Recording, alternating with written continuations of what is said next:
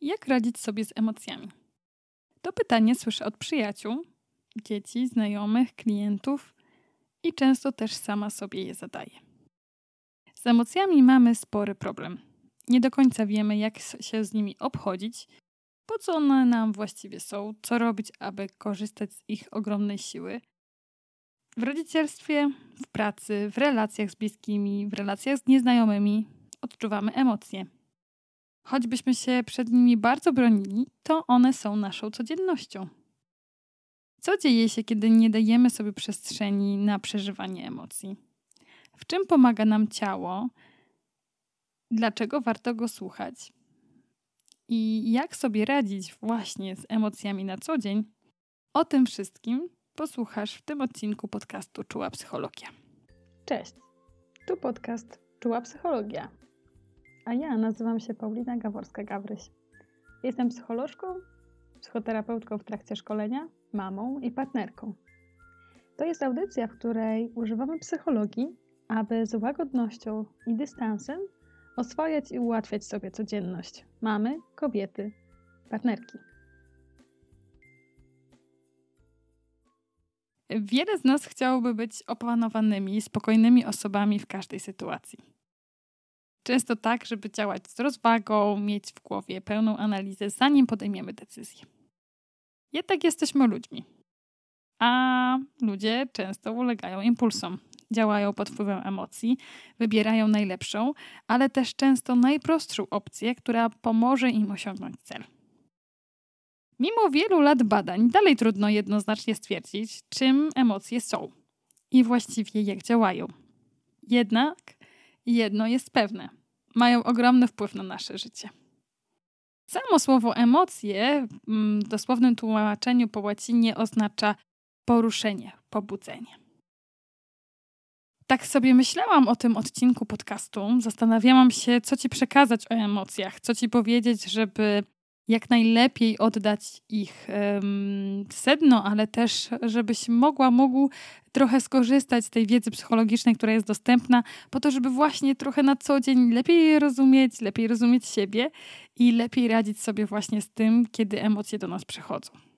Bo im lepiej coś znasz, im lepiej yy, to rozumiesz, im więcej o tym wiesz, tym staje się to łatwiejsze do poradzenia sobie. I właśnie tak jest z emocjami. Kiedy rozumiemy, co się z nami dzieje w danej sytuacji, kiedy potrafimy nazwać tę emocję, zauważyć, doświadczyć sygnałów z ciała, możemy zatrzymać się. Możemy sprawdzić, co czujemy. Wtedy też często nam łatwiej y, znaleźć sposoby, aby wyrazić tę emocję w bardziej przystępny sposób dla siebie czy innych. Przystępny, czyli bezpieczny, taki, gdzie nie ranimy nikogo, ale też właśnie dbamy o swoje granice. Kiedy więcej wiemy o emocjach, lepiej je rozumiemy, mamy też możliwość zdecydować, że nie będziemy reagować, że pozwolimy emocjom przepłynąć bez naszego działania, że one nas po prostu pobudzą, ale my nie musimy z tym nic robić. Dzięki lepszemu poznaniu emocji potrafimy odróżniać sytuacje, w których nasze działanie jest wynikiem odczuwanych emocji i nam służy, na przykład sytuacji, gdzie mm, powinniśmy już wychodzić z pracy, a na przykład koleżanka z działu obok przychodzi do nas i mówi y, albo prosi nas, czy możemy zostać jeszcze dodatkową godzinę, czy możemy coś dla niej zrobić, czy możemy dla niej coś sprawdzić. I wtedy możemy na przykład poczuć złość, bo mamy poczucie, że nasze granice są naruszane. Chcemy je obronić, ponieważ już dawno umówiliśmy się e, z naszymi bliskimi, że będziemy, nie wiem, o tej 16 czy 17 w domu. I w takiej sytuacji możemy też sobie pomyśleć o koleżance, że chcemy mieć z nią dobre relacje i wybrać tak naprawdę, co zrobimy. Czyli na przykład spokojnie powiedzieć, że tego nie zrobimy, o co nas prosi w tym momencie, ale jeżeli nasza pomoc jest niezbędna, to jutro chętnie do niej wrócimy. Albo poprosić ją o to, żeby wysłała mailem to, w czym chciała, żebyśmy jej pomogli. Wtedy my możemy się do tego odnieść. Bywa też tak, że są różne doświadczenia, w których emocje mm, odczuwamy, ale działanie nie jest konieczne. Na przykład wtedy, kiedy przyszła do mnie myśl, że czuję się niepewnie w danym towarzystwie, albo y, smuci mnie to, że moja przyjaciółka mi nie odpisuje na wiadomość. Bo z drugiej strony wiem, że ta niepewność w towarzystwie wynika z tego, że jestem w nim nowa. Yy, właściwie nikt tutaj się nie zna, bo może to jest konferencja albo szkolenie. I właściwie to bardzo normalne, że czuję się trochę niepewnie. A przyjaciółka wiem, że może jest bardzo zajęta i że w każdym możliwym momencie ona na pewno się do mnie odezwie. Jeżeli my wiemy, kiedy reagować i kiedy te emocje, które do nas przychodzą, powinny yy, jakby powodować, że my działamy, a kiedy nie, to nasze życie staje się trochę łatwiejsze. Bo my nie musimy reagować na każde poruszenie. Złość wyrażana słowami przez inne osoby, myśl, która wzbudza w nas smutek, obawa, która nam się pojawia w wyniku jakiejś informacji. My możemy tego doświadczać, ale mm, możemy też radzić sobie z tą intensywnością bez oddawania pełni kontroli nad nami, ale też bez jakichś bardzo dużych, spektakularnych działań. Chyba każdy z nas słyszał: Nie działaj pod wpływem emocji. I możesz zapytać, dlaczego? A może już wiesz, bo nie raz przekonałaś się albo przekonałeś się, że działanie pod wpływem emocji nie do końca nam służy. Działanie impulsywne, gorące, w wyniku odebranego sygnału bez zatrzymania się i zrozumienia, co się ze mną dzieje, bywa, że może nam przynieść znaczące straty. Popsute relacje z bliskimi, niechęć współpracowników, y, poczucie bycia mm, wykorzystywanym czy straty finansowe lub moralne. Dlatego też w tym podcaście chcę Ci opowiedzieć jak najwięcej o emocjach, abyś mogła, mógł je lepiej poznać, zrozumieć, korzystać z ich mocy w rodzicielstwie, pracy i życiu prywatnym i rozróżniać różne sytuacje, które właśnie powodują, że warto działać, a takie, od których mm, kiedy to działanie nie jest potrzebne i możemy sobie z emocjami poradzić w inny sposób. Ale właściwie czym są emocje? I możesz sobie wyobrazić, że emocje są jak sygnały ostrzegawcze. Mają ci dawać znać, co się dzieje. Czy coś ci zagraża, czy osiągnęłaś właśnie zaspokojenie ważnej dla ciebie potrzeby, na przykład przynależności czy głodu. Mm, emocje mówią ci, jak się z czymś czujesz, czy ci się coś podoba, czy tego chcesz, czy wręcz odwrotnie, nie masz czegoś, co jest dla ciebie bardzo ważne, czy przed chwilą to utraciłaś, utraciłeś. Y, emocje w psychologii to procesy psychiczne, silne odczucia pobudzające mm, nasze ciało. To jest takie subiektywne wrażenie, które my od, odczuwamy w reakcji na różnorodne bodźce. To są stany wewnętrzne warunkujące właśnie działanie, system obejmujący subiektywne odczucia, pobudzenie fizjologiczne, związane z nim reakcje, zmiany zachowania, są doświadczeniem wewnętrznym, całkowicie subiektywnym. I obejmują zarówno sferę psychiczną, na przykład wzruszenie, podniecenie, niepokój, jak i ciała, czyli doświadczamy takich sygnałów, na przykład jak przyspieszona akcja serca, e, wzmożone poczucie ciepła, drżenie mięśni. Z punktu widzenia psychologii stany emocjonalne są wywoływane różnymi zdarzeniami w codziennym życiu oraz też doświadczeniami w życiu wewnętrznym. Są nagłe, zazwyczaj nietrwałe, ulegają zmianom w czasie. Łączą się z pobudzeniem somatycznym i właśnie po tych reakcjach z ciała możemy poznać, co się z nami dzieje i że właśnie jest taki moment, że my przeżywamy określoną emocję. Możesz sobie trochę wyobrazić emocję jak drogowskaz który pokazuje ci drogę, daje ci znać, że idziesz w dobrą stronę lub że musisz zawrócić. I tu warto zadać sobie pytanie, dlaczego właściwie tak trudno radzić sobie z emocjami. Jak o tym myślałam, mm, to przychodziło mi do głowy wiele różnych odpowiedzi i zebrałam je w takich kilka obszarów. Po pierwsze, e, niezrozumienie emocji. W dzieciństwie obecnych 50, 40, 30-latków, a nawet 20-latków, nikt lub prawie nikt nie uczył niczego o emocjach. Nie było takiego przedmiotu w szkole. W rodzinach często się nie rozmawiało o emocjach. Mm, rówieśnicy raczej ukrywali je przed sobą. Ewentualnie rozmawiało się o tym, jak tłumić emocje, ukrywać je albo ich się wstydzić. Komunikaty typu złość piękności szkodzi, chłopaki nie płaczą, przestań ryczeć, co się tak cieszysz jak głupi, deprecjonowały odczuwanie emocji, zamykały drogę do ich wyrażania i często też zostawiały trwały ślad w postaci przekonania, że emocje są złe, niebezpieczne, niechciane, a kiedy je wyrażam, inni mnie nie chcą nie akceptują. Często emocje są jak nieodkryty, niezbadany ląd. Nie mam mapy, jak się po nich poruszać. Nie znam języka ludu, który go zamieszkuje. Właściwie to nie wiem, jak się z tym wszystkim obchodzić. A to często budzi lęk albo niechęć. Dlatego z emocjami mi jest trudno. Z drugiej strony pojawia się często też strach przed niszczycielską siłą emocji, czy też strategii, której wybieramy. I to jest właśnie bardzo ważne rozróżnienie. Bo same emocje w sobie nie są ani dobre, ani złe. To strategie, jakie wybieramy do ich wyrażania, bywają krzywdzące dla innych, niekonstruktywne. Też są takie, które zadają e, fizyczne i psychiczne rany. Zdarza się, że kiedy nie możemy dłużej tłumić emocji, dusić ich w sobie, wybuchają z wielką siłą. Są często nieadekwatne do sytuacji, powodują niezrozumienie otoczenia i niosą ze sobą nasze poczucie winy. Wyobraź sobie, że bardzo długo nie, nie wyrażasz swoich potrzeb. Robisz nadgodziny, bierzesz zadania, których nikt nie chce, a jednocześnie czujesz się ciągle wykorzystywana.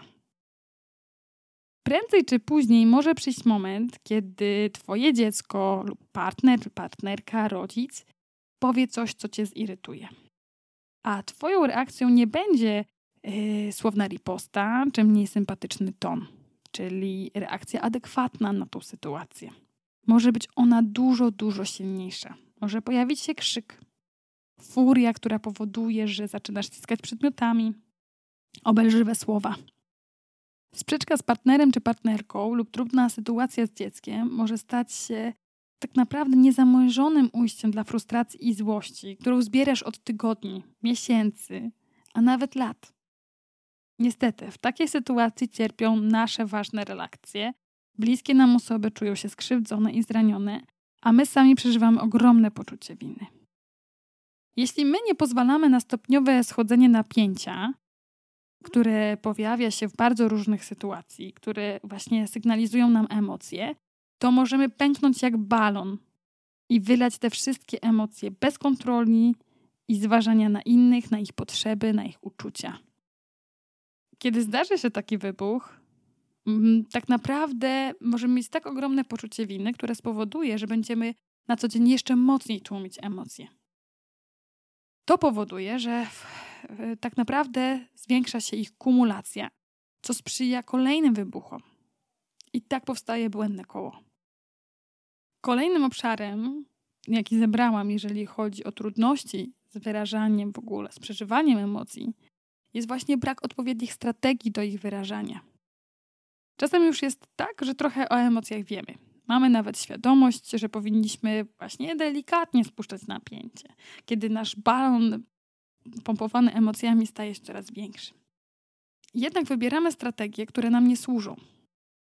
Możemy właśnie sięgać po rozładowanie napięcia używając innych, na przykład poprzez krzyk, wszczynanie kłótni, upokarzanie czy obrzucanie drugiej strony wyzwiskami. Możemy izolować się od ludzi, pogrążać w katastroficznym myśleniu na każde ukłucie smutku, zamartwiać się lub ciągle narzekać. I te niekonstruktywne sposoby wyrażania emocji powodują, że możemy przeżywać tak naprawdę jeszcze większą frustrację i ciągle czuć, że robimy coś nie tak. Kolejną rzeczą, która może nam utrudniać radzenie sobie z emocjami, są przekazy społeczne i kulturowe. Okazywanie emocji y, społecznie bywa różnie odbierane. Często jest zarezerwowane do specjalnych okazji, na przykład y, okazywanie radości z y, okazji prezentów na urodziny czy Boże Narodzenie, radość w momencie brania ślubu, płacz i smutek na pogrzebie, czy strach w obliczu niespodziewanego, nagłego wydarzenia, przed wypadku. To jest usankcjonowane, zrozumiałe i tak naprawdę akceptowane. Ale w codziennych sytuacjach okazywanie emocji bywa odbierane w Polsce jako zachowanie dziwne, nietypowe, niezrozumiałe, przesadne. Uśmiech na twarzy przechodniów, pozdrowienie nieznajomej osoby w dużym mieście nie należy do typowych zachowań w Polsce. Choć na przykład w krajach, y, niektórych krajach basenu śródziemnomorskiego jest akceptowane i praktykowane.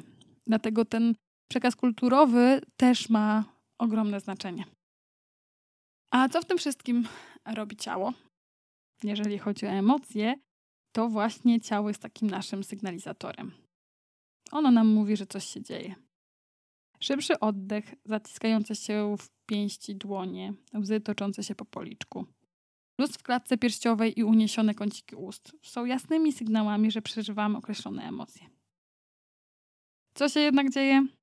Zdarza się, że my ignorujemy te subtelne sygnały z ciała. I zmuszamy je, a także właśnie konkretną emocję, aby pukały do nas głośniej i wyraźniej dawały o sobie znać. Bo dopiero kiedy czujemy ogromny dyskomfort, zajmujemy się tym, co się z nami dzieje.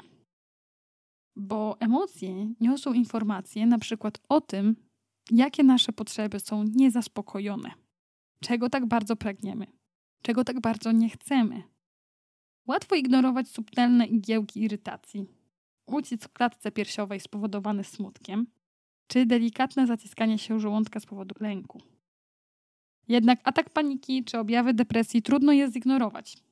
Niesłuchanie ciała, nie zajmowanie się tym, co sygnalizuje, bywa zgubne, ponieważ może nas doprowadzić do momentu choroby somatycznej lub trudności psychicznych. W książce Kiedy ciało mówi nie, koszty ukrytego stresu, Gabor Mate pokazuje na licznych przykładach i wieloletnich badaniach różnych naukowców, jak tłumienie gniewu, niewyrażony protest, ciągłe przekraczanie własnych granic, narażanie się na stres wpływa na występowanie takich chorób jak na przykład reumatoidalne zapalenie stawów, nowotwory jajnika czy piersi. Powiem Wam, że książka zrobiła na mnie ogromne wrażenie, ponieważ pokazuje bardzo silny związek przeżywania i niewyrażania emocji, niedbania o swoje potrzeby, a problemami, jakich doświadczamy ze zdrowiem. I to często nie dotyczy tylko pojedynczej jednostki, ale również całych pokoleń. Książka jest naprawdę świetna, napakowana wiedzą, konkretnymi przykładami, bardzo ciekawie napisana. E, serdecznie polecam. Tutaj w opisie zostawię link do niej, żebyście sobie przeczytali, jeżeli macie ochotę w ogóle opis.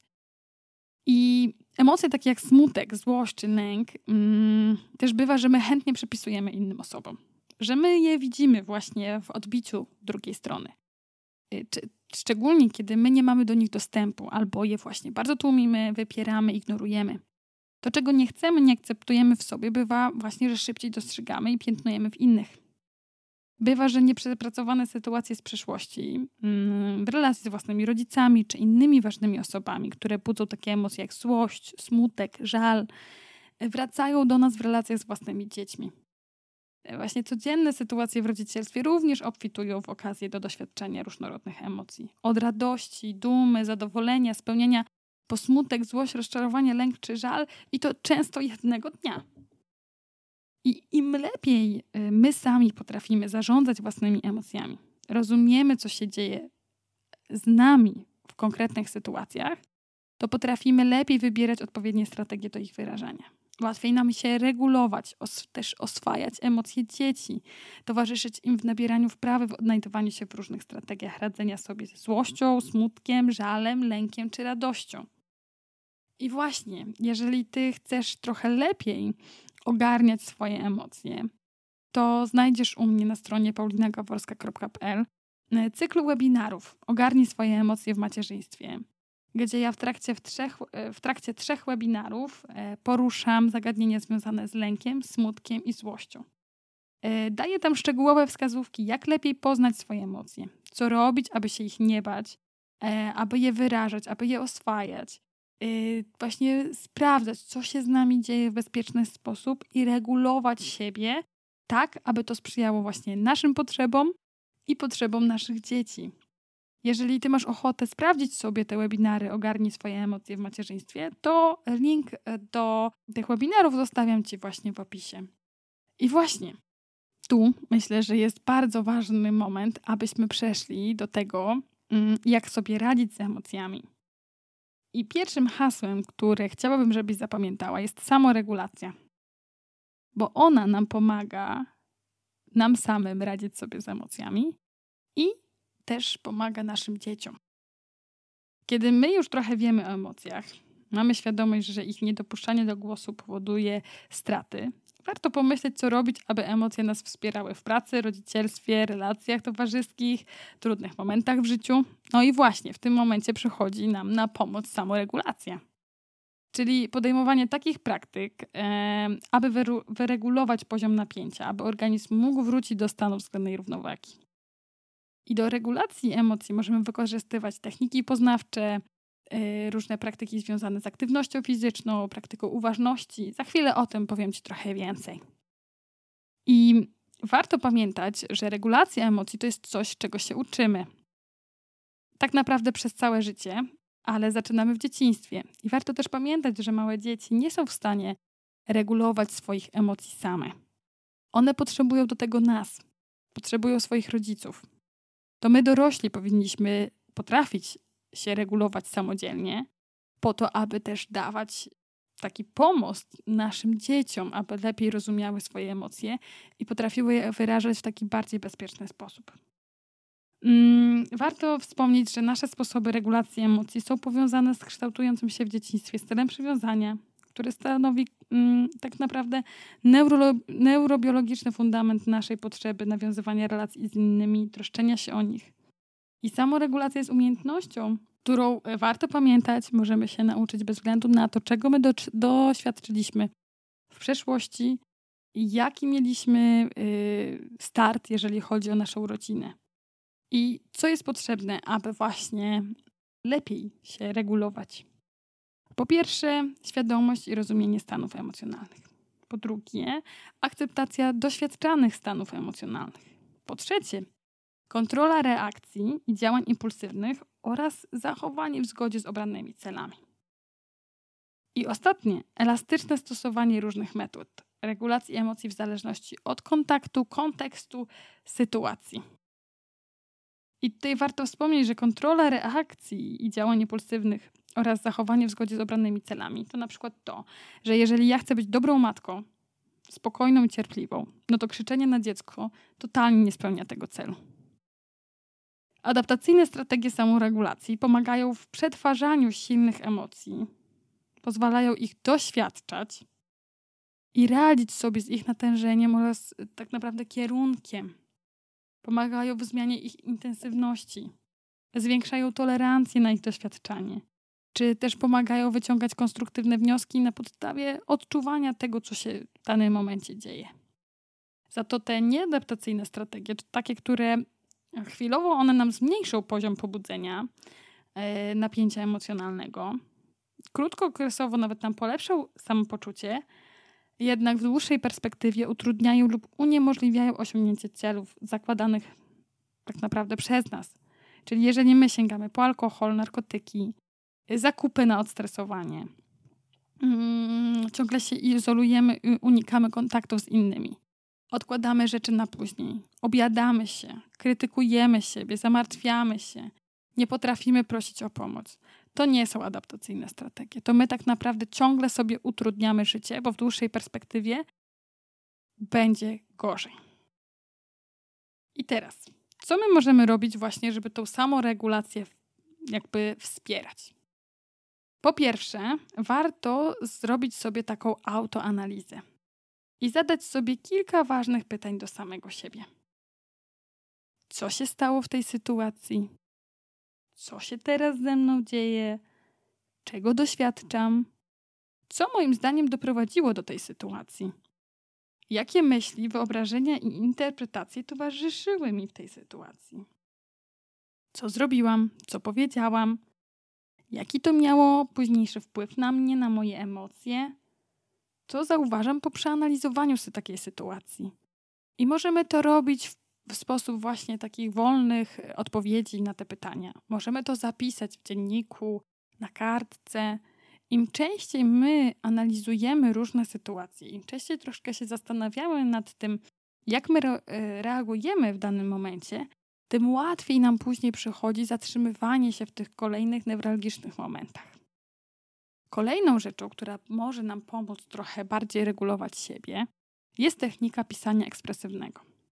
Zachęcam na przykład do tego, żebyś założyła sobie zeszyt albo mm, wzięła swój notatnik, gdzie możesz zapisywać wszystko, wszystko, co przychodzi ci do głowy. Bez zastanowienia, bez cenzurowania siebie, masz po prostu czystą kartkę i możesz pisać, co chcesz. Pisanie spowalnia proces myślenia. Mm, pozwala nabrać trochę dystansu do tego, co się wydarza. Może to być y, twój ala dziennik, może to być po prostu spisywanie określonych sytuacji, mm, ale dzięki temu masz poczucie, że to wszystko, czego doświadczyłaś, możesz oddać i nie musisz nic cenzurować. Papier przyjmie wszystko. Jeżeli masz ochotę, to jeżeli jesteś na terapii, możesz też to przegadać ze swoim terapeutą, psychologiem. Mm, możesz pomyśleć tak też w ramach terapii, czy to nie będzie dla ciebie coś ważnego.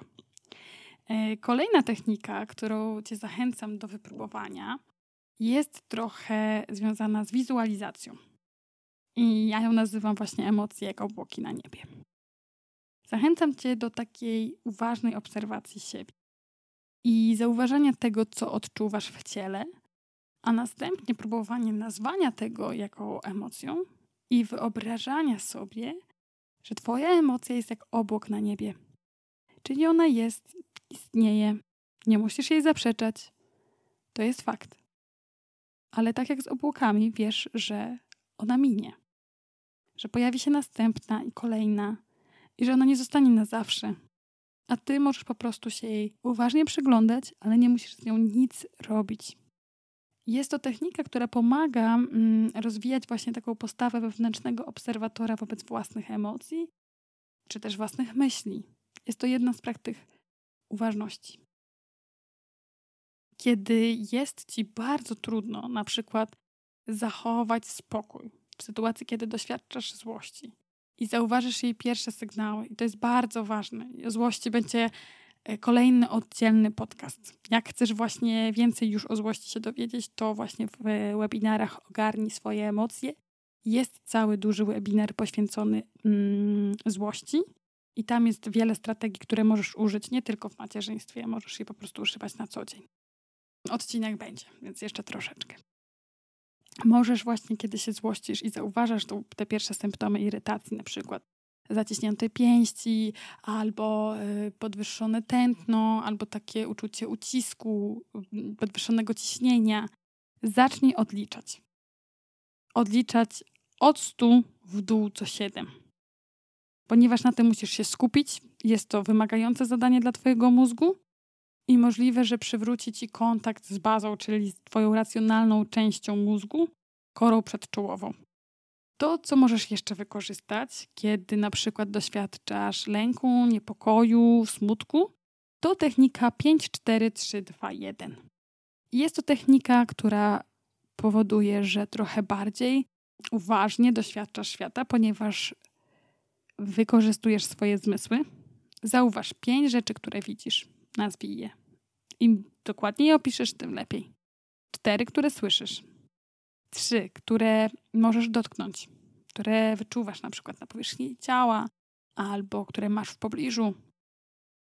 Następnie, następnie dwie, które możesz powąchać i jedną, którą możesz posmakować. Warto, żebyś szybko i sprawnie przechodziła, przechodził od jednego zmysłu do drugiego, tak abyś mogła się skupić na tym po prostu, co do ciebie przychodzi, na tym doświadczeniu, a nie na myśleniu. Kolejną rzeczą, która pomaga radzić sobie z emocjami i wpływa na lepszą samoregulację, jest wydłożenie oddechu. I tutaj przychodzi nam z pomocą technika 4 na 7 gdzie wykorzystujemy liczenie i robienie wdechów i wydechów. Kiedy bierzesz wdech, licz w głowie do czterech, następnie na sekundę zatrzymaj powietrze i powoli wypuść, robiąc wydech i licz do siedmiu. Powtórz taką sekwencję co najmniej 10 razy. Możesz też wypróbować y, techniki relaksacyjne, takie jak trening Jacobsona czy trening Schulza. Mówiłam ostatnio o nich w, w wcześniejszym odcinku podcastu. Kolejną techniką, która pomaga regulować emocje, jest sztuka. Arteterapia, czyli terapia poprzez sztukę bardzo mocno wykorzystuje moc ekspresji, kreatywnego umysłu człowieka, i ty w domu możesz dać się ponieść emocjom w rysunku, w malowaniu obrazu, w tworzeniu rzeźby, w tworzeniu kolażu, czego tylko chcesz.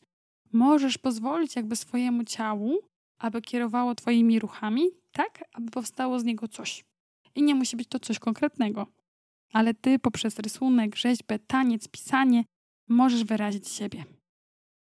I ten podcast i tak już jest bardzo długi, więc chciałam Ci troszkę podsumować, co możesz robić, żeby radzić sobie lepiej z emocjami. Po pierwsze, rozpoznanie i nazwanie emocji. Im lepiej rozumiesz, nazywasz, tym potrafisz trochę bardziej nad tym zapanować.